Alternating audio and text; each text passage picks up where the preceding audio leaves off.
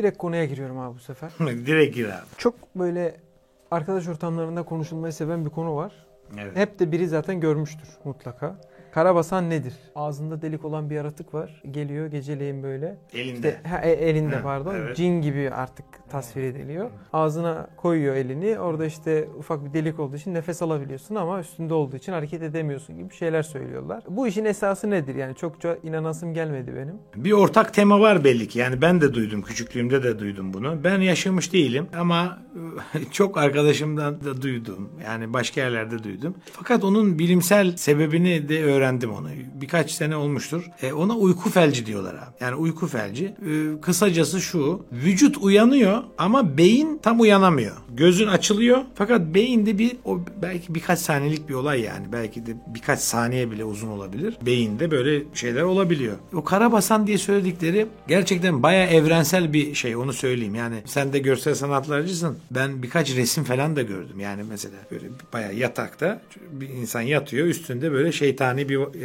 yaratık var gibi böyle midesinde özellikle karnında oturuyor. Şimdi o karnında oturması tesadüf değilmiş. Mesela çok yemek yediğin zaman nedir? Yani gece yatmadan önce yani kısa bir süre önce çok yemek yersen bir spazm durumu oluşuyor yani. Uyku felci dedikleri o. Bir rahatsızlık hissediyorsun. O rahatsızlık o kadar rahatsızlık veriyor ki vücudun uyanıyor yani rahatsızlıktan. Fakat beynin tam toparlayamıyor tabii. Uykudan çünkü bir anda uyandığın için. Orada bu rahatsızlığı bir şekilde beynin mantıklı hale getirmesi lazım. Niye böyle bir şey? Çünkü midemde bir şey oturuyor hissi. Bu hissi aldığı için de belki görüntü olarak zaten karanlık büyük ihtimal yani uyku olduğu için karanlıkta efendim değişik silüetler yani silüet dediğimiz gölgemsi böyle karanlık falan. Yani el o ben ben de duydum birinden onu. Hani el- elinde delik var.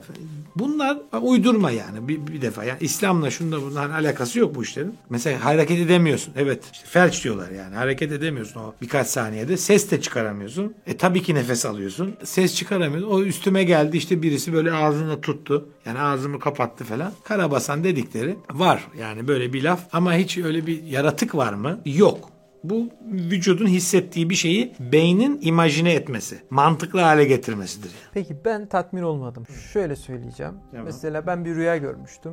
İşte o zamanlarda hırsız girmişti evimize. Ee, küçüğüm daha. Uyanıyorum. İşte hırsızdan ailemi kurtarmak için hakkım var 3 tane. Bu standart Oyuna çevirdin işi. Evet e, ama bu standart karabasan hikayesi. Yani hep 3 hakkın olur. Hep üçüncüde bir şekilde paçayı yırtarsın. Kalkıyorsun işte o bir üç şey oluyor lafını falan. bilmiyordum mesela. Yani üç. Benim üç kere hayatımda falan. hep öyledir. Ha, yani ben onu bilmiyordum. hep 3 hakkım olur. Ee, yani bugüne kadar 20 tane ya da 50 tane gördüysem 49'unda öyledir. Enteresan. 3 hakkım olur. Bunu ilk defa şimdi Çok senden duyuyorum. Ben evet. e, etrafımdaki insanlardan da hep öyle duyarım. Ya bir oyun var. Bu belki karabasan değildir bilmiyorum ama hissedilen oydu. Oyun var, 3 hakkın var. Üçüncüde bir şekilde geçiyorsun. Genelde öyle oluyor Sen ama. gamer mısın? Evet.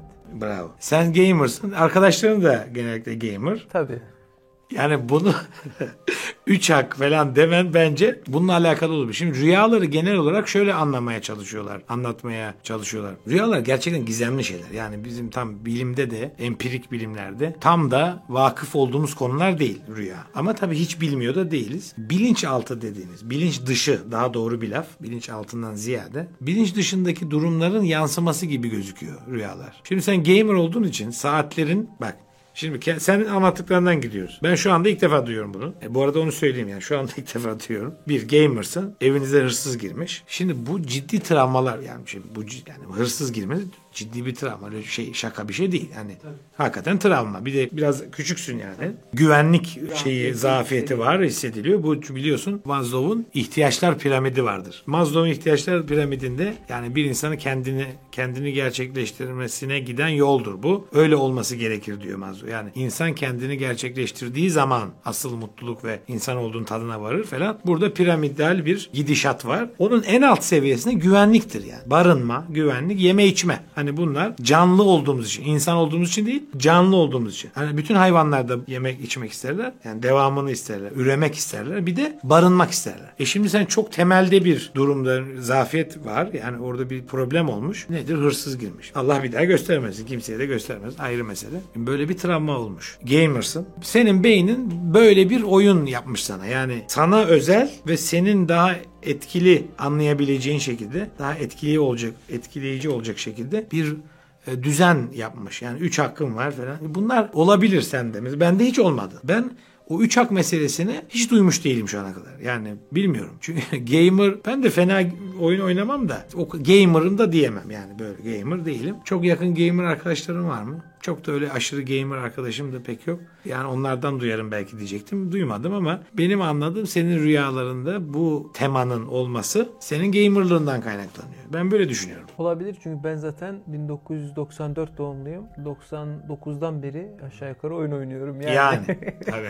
o yüzden çok normal gibi geliyor. E, ba- Bana da öyle yani bilinç dışında hep böyle şeyler var senin yani çok dolduruyorsun çünkü. Biliyorsun bilinç dışı her şeyi algılar. Bilincimiz bir şeye odaklandığın zaman onu algılar. Ama odaklanmadığım mesela bu stüdyoda her şeyi benim gözüm yani her şey derken gözümün gördüğü kısmı aslında gözüm görüyor ve beynime gidiyor bu bilgiler. Ama bir yerlere takılmıyorum. Sen sendeyim şu anda. Ama burada burada burada olan şeyler veya var olan şeyler alıyor. Bunu bilinç dışına atıyoruz, koyuyoruz. Seni etkileyici şeyler oluyorsa orada, problemler varsa bu olaydan kaynaklı bir yani game havasıyla beraber bunu bir şekilde çözme. Beyninin bu problemi çözme yöntemlerinden bir coping mekanizm yani ona ne diyoruz? Kendini kurtarma mekanizması, defans mekanizması devreye girmiş olabilir. Öyle bir şey olabilir yani ama karabasan diye yani bir şey yok ya. Onu sana çok rahat söyleyeyim yani. Karabasan diye bir varlık yok. Şimdi cin desem başka. Şimdi cin var. Yani kime göre var? Ya diyorum size hep bu konularda geçiyor. Yani iman meselesi. Kur'an'a iman ediyorsan. Sadece Kur'an'da mı var cin? Aslında tam olarak öyle değil. Ama en çok hani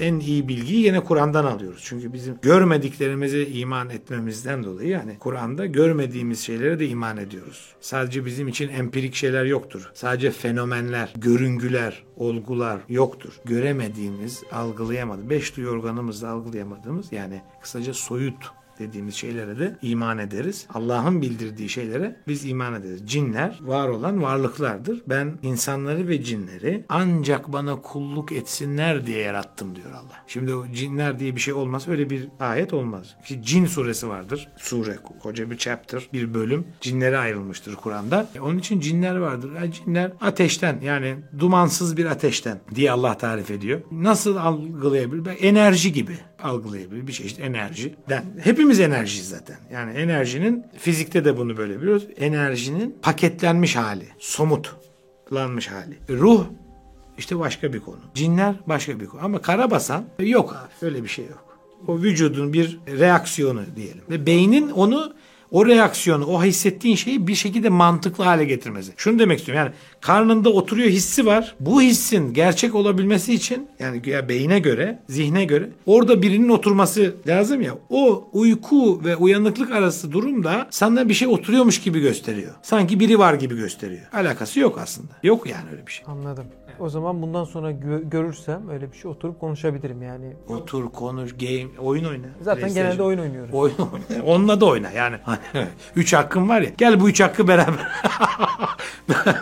Respawn edeceğiz bak beraber falan diye söylersin yani. Güzel, mantıklı. Daha kolay geçer belki. On rüyalar. numara. Tabii bununla bağlantılı değil ama astral seyahat diye de bir şey var. Hani kimileri diyor Anladım. çıkarsın gidersin geri gelemezsin falan öyle şeyler. Ha, ha, anladım. Şey uy- genelde gene uykudan orada hani Aynen. uyku gibi bir hal. Yani meditatif yani meditasyon hali. Böyle bir şey Yani astral seyahat lafı şu demek. Astra, asteroid falan yani astra uzay demek. Yani stardan geliyor aslında. Yani yıldızlar arası yani o kadar uzun mesafeleri çok kısa gitmekten bahsediyoruz. Yani evrende her yeri gezebilmek. Astral seyahat. Çok uzaklara ışınlanma gibi. genelde dünyada geziyorlar ama. E başka nerede ne iş var? Yani şu anda Mars'ta biraz hareket var. Yani Gidilebilir Hani oraya. Perseverance, e, işte o bir diğer ilk gönderilen robotun ismi Curiosity falan. Hani o robotları izle- izlemek isteyebilirsin. Yoksa Mars'ta bizim anladığımız kadarıyla bir hareket yok. Bu iki robot geziyor okey. Gidip dönmek uzun Drone sürmez mi Mars'a? Mesafe çok Şimdi dünyada. bravo. Mesafe çok ama senin hızın kaç? Bana ondan haber vereceksin. Mesafe uzun. Şimdi çok iyi bir arabayla şurası bir saat. E, Biraz kötü arabayla ya abi bir buçuk saat sürer. Işık hızıyla gidersen saniye bile sürmez. Burada tabi astral seyahat deyince çok tabi latif bir varlık olan çok ince. Ruhtan bahsediyoruz. Çok ince. İnce kastım yani ince bayağı hani madde değil de enerjiden de belki daha ince. Ruh dedim çok başka bir konu. Orada bu şurada girmek istemiyorum o konuya. O, uzun bir şey. Işık hızı belki ışık hızından hızlı bir hareketten bahsediyoruz. E, tabii ki evrenin her yerine gidersin gelirsin yani çok Bu kadar sürer. Gittin geldin. Bu bile çok uzun yani. Tabii bu nasıl oluyor? Yani dünyada mı? Yani somut ev, zihinsel evren değil de gerçek evrende. Somutta mı oluyor bu? Yoksa rüyada mı oluyor? Şimdi meditasyon zaten başka bir ruh hali. Yani başka bir durum. İnsan odaklanıyor bir yere. Belirli bir duruma geçiyor. Meditasyona geçiyor. Çok ciddi odaklanmalarda diye söyleniyor. İnsan ruhuna hakim olup bedeninden çıkıp gezebilmesi, bedenini de görmesi. Değil mi? Rüya bazı öyle rüyalar var galiba değil mi? Mesela kendini dışarıdan görüyorsun üçüncü Tabii. bir göz olarak. Olabiliyor. Buna lucid dreaming deniyor. Lucid dreaming yani sadece o demek değil. Lucid dream aslında şey rüyayı kontrol edebilmek demek. E şimdi o da bir kontrol. Zaten en büyük kontrol o yani kendini yani ruhunu kontrol ediyorsun, istediğini yapıyorsun. Lucid Dream'in de milletin anladığı şeydir aslında. Yani ben işte atıyorum sen daha demek ki nedir? Karabasan geliyor bana, koşuyor ya bana. Birlikte oyun oynuyoruz. Oyun oynamayı falan hani karabas dur. Hani dur ya ne yapıyorsun? Gel gel yanıma. Hani şimdi böyle yapabilmek güzel değil mi? Evet tabii. Şunu anlıyor orada. Lucid Dream'de insanlar anlattıkları şu yönde. Ben onun rüya olduğunu anlıyorum diyor. Rüyadayım. Bunu anladıktan sonra kontrol ediyorum bu sefer diyor. Her şey serbest. Rüya ya. Harika bir ortam. Yani kendi evrenin Hani ne istersem oluyor. Bu olabilecek bir şey yani bir, var olabilir kontrol edebilir. Ben bir direkt şeyim yok. Benim kendi şahsi bir tecrübem olmadı. Çok anlatan var sorun yok. Ee, bizim hani bu astral seyahatte de tabii çok iddia edenler var. Yani ben yapıyorum. Zaten hep yaparım falan. Hani hiç problem değil diyenler var. Olabilir mi? Yani İslami açıdan falan da soruyorsun ya mesela ölmemiş, henüz ölmemiş birisi için olabilir diyebilirim. Hatta bir ayet var. Allah diyor ki onların uyurken ruhlarını alırız. Ölülerinkini ölecek olanların ölümüne hükmettiklerimizinkini yanımızda bırakırız. Diğerlerini geri göndeririz. Böyle olduğu için ölmemiş insana. Belki o ruh belki çıkıp Allah'ın izniyle. Allah'ın izniyle evet bazı şeyler gösterilebilir görebilir yani. Ben buna çok karşı değilim yani. Olmaz diyemem